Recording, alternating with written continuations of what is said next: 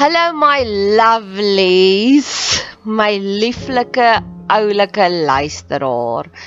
Baie dankie dat jy in jou besige skedule tyd maak vir my. As jy meer inligting wil hê, gaan soek my op Bet Seber op Facebook, TikTok, Instagram, maak kontak as jy wil. Ek hou daarvan om van my luisteraars te hoor en ek het nou onlangs 'n kort videoetjie gemaak van een van my luisteraars hoe sy die mooiste terugvoer gegee het. So wie weet, dalk gebruik ek jou terugvoer ook iewers as 'n leergeleentheid. Net nog 'n bedelaars gedeeltetjie. Ehm um, ek probeer nou om op radiostasies te kom. Soveel mense sê vir my hulle dink dis die pad vorentoe en ek dink dit ook persoonlik. So ek wil iewers graag my eie radioprogram wil hê met hierdie boodskappe van hoop. So luister hierna en as jy voel meer mense moet dalk hiervan hoor, ehm um, ag, doen my 'n guns en stuur dit vir 'n radiostasie. Sê jy luister na hierdie podcast of potgooi en dit inspireer jou so en jy dink ek sal 'n aanwins wees vir hulle. Ek sien Pretoria gebaseer, so as dit 'n Pretoria Gauteng se radiostasie is, nog beter. So, hierse sê mos jy het nie want jy vra nie, so nou vra ek. So ek is in 'n periode van oh, amazingness. Ek het oor die naweek het ek my eerste van 7 journals weer gaan opbestudeer. En ek en dis 3 jaar terug toe ek net begin journal het en ek het 144 topics van podcast. Dalk sal ek by uitkom, dalk nie. Dalk was dit net vir my. Maar ja, So die eerste storie wat ek vir jou wil vertel, hierdie is 3 jaar terug se epifanies wat ek gehad het en ek wil nie hê die Here moet voel hy vertel vir my geheime en dan ignoreer ek dit nie, dan laat ek dit net verbygaan. Hy sê hierdie is 'n teken van dankbaarheid ook. Want ek het nou net weer gelees dat deur journaling dis hoe God met ons praat. En ek het op daai stadium was daar twee mense wat baie braggerig was en my van hoe deprive hulle hulle self van alkohol en hulle het gedink dit maak hulle goeie mense. En nou kan ek sien hulle was glad nie goeie mense nie. En dit het my laat dink eers van alles om God te vind deur om net jouself te deprive is so goed soos jy sê ek lees die nuus maar eintlik al wat jy lees is net die weervoorspelling. Jy gaan nie 'n cooking clue hê wat gaan in die nuus aan nie of om God te vind deur om net jouself te deprive is is om te sê ooh jy en jou man het 'n fantastiese verhouding maar alwaaroor jy praat is die weer. Jy weet nie hoe sy dag nie, jy weet nie waar hy werk nie, jy weet nie hoe voel hy hieroor nie, jy weet nie wat maak hom happy nie. En ek wil jou release deur om daar's soveel onnodige wette daar buitekant van God sê jy mag nie dit nie, jy mag nie dat nie. Soveel preke het ek al geluister en dan al wat dit is is net jy mag nie of hulle bou op jou skuldgevoelens. Die ergste en ek dink dit was die laaste keer ooit wat ek regtig erg in 'n kerk was. Inteendeel. Ja, ek was al in begrafnisse en troues, maar die regte laaste kerkdiens was op Kersdag waar die dominee ons so probeer guilt trip het. Dit was 'n hervormde kerk. Dis hoekom ek nie van die hervormde kerk hou nie. En daar is hier en daar Heilige Gees geïnspireerde drie susters denominasie predikante. Ek ken twee van hulle van die NG Kerk wat regtig deur die Heilige Gees gelei word. Maar meeste van hulle ja, Hulle hulle het net hierdie klein aspek van God van die deprivement of skuldgevoelens en dis nie wie God is nie. Nee, dis nie die God wat ek dien nie. En weer eens hindsight is the perfect sight. As ek my lewe moet meet wat wyn drink met daai twee individue, die seëninge loop oor. Nie dat ek sê ek is beter of ouliker as hulle nie glad nie. Maar dis die dis die dis dis die 2020 perfect vision. En dan het God ook liggies nou net in my geraas want ek het hierdie naweek regtig afgevat en ek het die hele tyd so liggies skuldig gevoel van oh, jy mors na jou tyd. En nou as ek moet terugkyk hoe ja, dit was eintlik so 'n seëning en ek wil dit ook voor Here se voete gaan neer lê. Here leer my om die aftye ook te geniet. Want is die aftye wat ons lanseer om hierdie produktiewe tye te geniet. Soos nou ek geniet hierdie, maar as ek net vir God probeer connect met hom deur dit wat ek kan doen, doen, doen, gaan ons ook 'n baie superficial verhouding hê. Met ander woorde, as jy net by iemand gaan kuier en al wat jy doen is jy fix net, jy maak gaga hulle kombuis skoon. Ek het en ek het al so 'n boyfriend gehad wat ek eintlik gevoel het nee, kom sit net hier langs my op die bank. Kom gesels net met my. Dis al wat my behoefte is. Ek wil nie hê jy moet my huis skoon maak nie. En dis nogal so ek tans ook deur met God probeer connect. En ek wil dit ook bely voor hom om te sê Ek weet ons is gemaak vir vir intimis intimiteit eerste en dan bediening. Soos dis so skuldig ek gevoel het gister. Ek het die hele tyd gebid vir joy, joy, joy. Ek sê Enneagram 7 meer van, meer van, meer van. Nou lê ek en speel games want ek is 'n ek is 'n um ag nou kan ek nie regte woorde op vooruit nie. Ek's bietjie hiperaktief. So ek kan nie net luister nie, ek moet iets doen ook. So nou luister ek die mees amazingste podcast, nê? Nee? En dit verander, ek voel hoe verander dit my DNA van jy het meer krag, daar's meer empowerment. Jy hoef nie te worry dis Elizabeth April so te loops. En um en ek speel die game en die hele tyd dan voel ek skuldig en dink ek soos, oh, "Nee, dalk moet ek sommer nog 'n journal tackle." En nee. Nee. So leer my om dit ook te geniet, Here. Dis wat ek wil bid want ek weet ek sal naweke kry wat ek by my Karel gaan kuier en dan switch ek heeltemal af. Inteendeel, ons was 'n maand terug in die Kaap gewees. En ons het na die tyd ons mekaar gesê ons albei is baie baie besig. Hy's korporatief baie besig, besigheids baie besig en ek is ja, sosiale media aanlyn presence is ek baie besig. En ek sê vir hom, "Ja, aan die einde van daardie naweek besef jy nie ek of jy was een keer op 'n rekenaar nie en ons het oorleef." En hy sê, "Ja, dit wys ons eintlik dat die hele wêreld gaan nie vergaan as ek en jy die hele tyd op speed dial is waarmal nie." En ons sê soos, "Ja." So ons het hierdie oomblik gehad en hoekom is dit vir my makliker om af te skakel saam met mense as wat dit is om om van eie af te skakel? die byl voel nie sleg as die byl skerp gemaak word nie. En dit en ek voel sleg, ek voel skuldig daaroor. En ek weet ook dat die beste epifanies het gekom wanneer ek stil raak. Soos verlede week was daai liedjie van I've got you babe die hele tyd in my gedagtes. I've got you babe wat ek voel die Here sê die hele tyd in my I've got you babe. I've got you babe elke sekonde.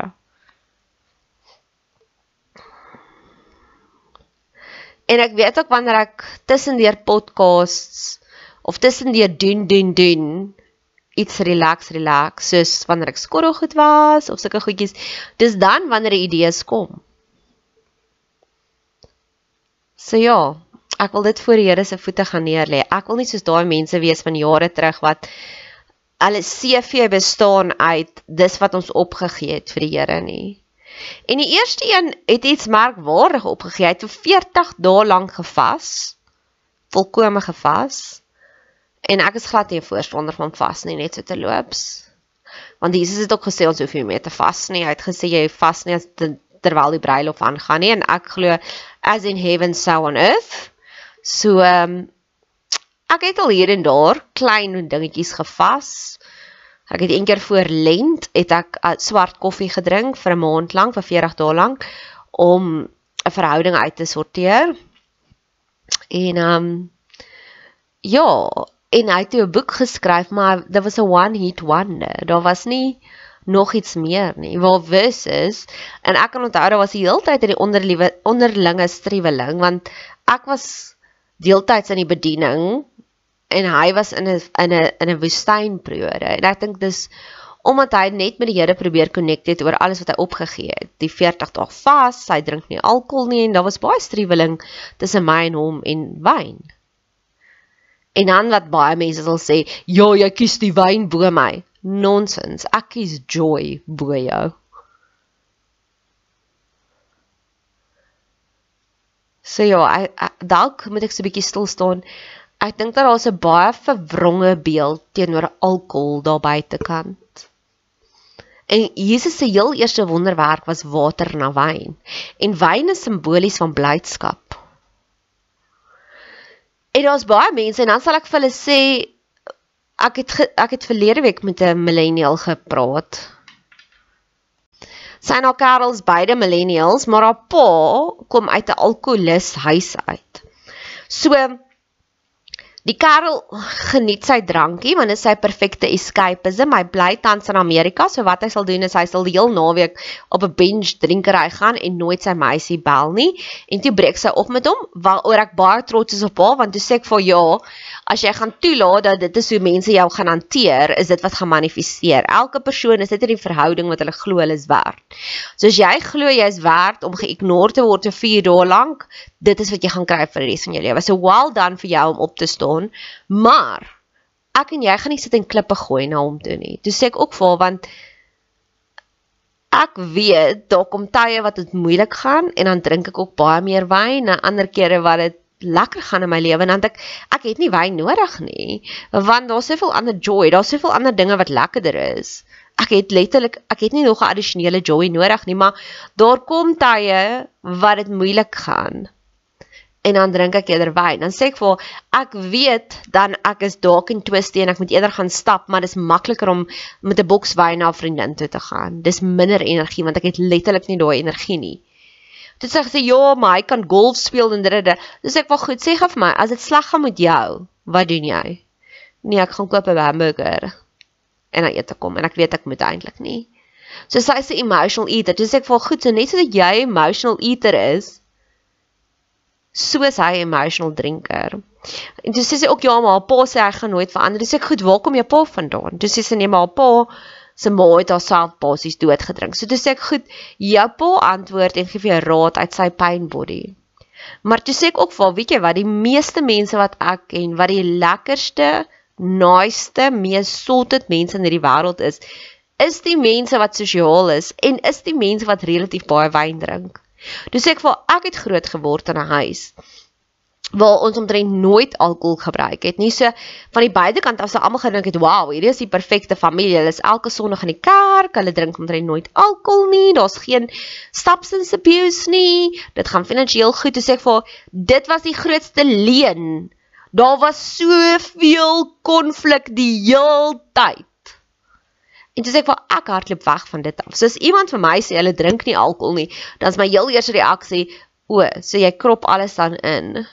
En daar is also mense wat nie alkohol drink nie. Inteendeel, my mentor wat ek later vanmiddag gaan sien, drink niks alkohol nie. En sy is awesome.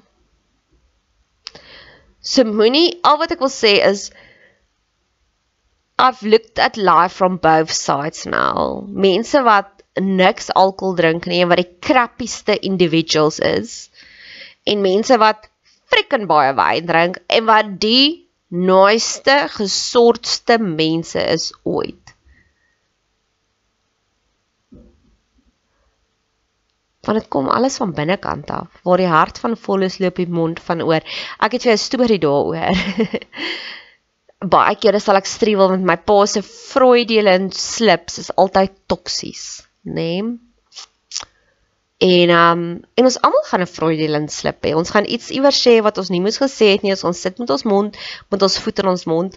Maar my Karel, se Freudian slips is die heeltyd die sweetste goed. en hy's glad nie 'n prater nie. Hy's glad nie. Hy's dis om baie moeilik om oor emosies te praat, nê? Nee. So hy wys die hele tyd vir my, nê? Nee. Ons het 'n film gaan kyk, Maverick, en dit het vir ons die Love Seats geboek, né? Nee? Maar hy het nou al 3 keer 'n Freudian slip gehad met my. Die eerste keer het ons baie lekker gepraat en ons mekaar omtrent net 2 2 maande geken. En ja, ek weet nie eintlik wie noem my man nie. Hy's Engels. En aan die einde van die gesprek sê hy vir my, "Love you, man." So, goodbye. Ek dink dit was 'n Freudian slip. En die tweede keer Ek weet nie of was dit 'n Freudian slip nie. Ek dink dit was bietjie meer intentioneel om die water se toets. Ons het nog glad in die L gesprek gehad. Nie, maar teendeel het ek nou die aand het ek vir hom 'n verwysing gehad na die L gesprek, die liefde gesprek. Toe sê ek vir hom, um gee nie om wat hy doen nie, ek gaan hom nie meer of minder like nie. Toe sê hy soos hoe, toe verstaan hy, toe sê ek vir hom, man, ons het nog nie die L gesprek gehad nie, maar wat ek altyd vir my vriendinne sal sê, gee nie om of jy my podcast gaan luister of nie. Ek gaan nie meer of minder lief raak vir jou daaroor nie. Toe sê hy, o. En toe nou die ont toe sê hy liefie, baie liefie. Nou dit was die eerste keer. En die laaste keer was gisteraand en dit was so sweet. Ons het eintlik daaroor gelag want toe dog ek nee, want hy het dit so hard gesê, die love you man was so vinnig, daar was nie eintlik 'n oomblik nie. Um wat ek hom gesê het, ek sal vandag by hom kom kuier, vandag en môre en toe sê hy vir my, "Yes, about your request. You can come home. I mean, sorry, you can come to my house tomorrow." Just oh, sweet. Ja, so wat die hart van vol is, ongeag of jy alkohol drink of nie alkohol drink nie. Waar die hart van vol is, loop die mond van oor. Daar nog iets wat ek ook wil sê oor die liefde is 90% van die mense hoef nie vir my te sê hulle is lief vir my nie, ek voel dit. En dis ook ook voel oor 'n Christen. Jy hoef nie vir my te sê jy's 'n Christen nie. Ek voel dit. Ek voel veilig by jou ek voel jy het jou sonde bely want as ek vir jou sê oepsie ek het hierdie nou aangevang as jy vir my sê o ja ek was ook al daar en ek het dit aangevang want jy het jou sonde bely jou sonde definieer jou nie meer nie so jy kan daar praat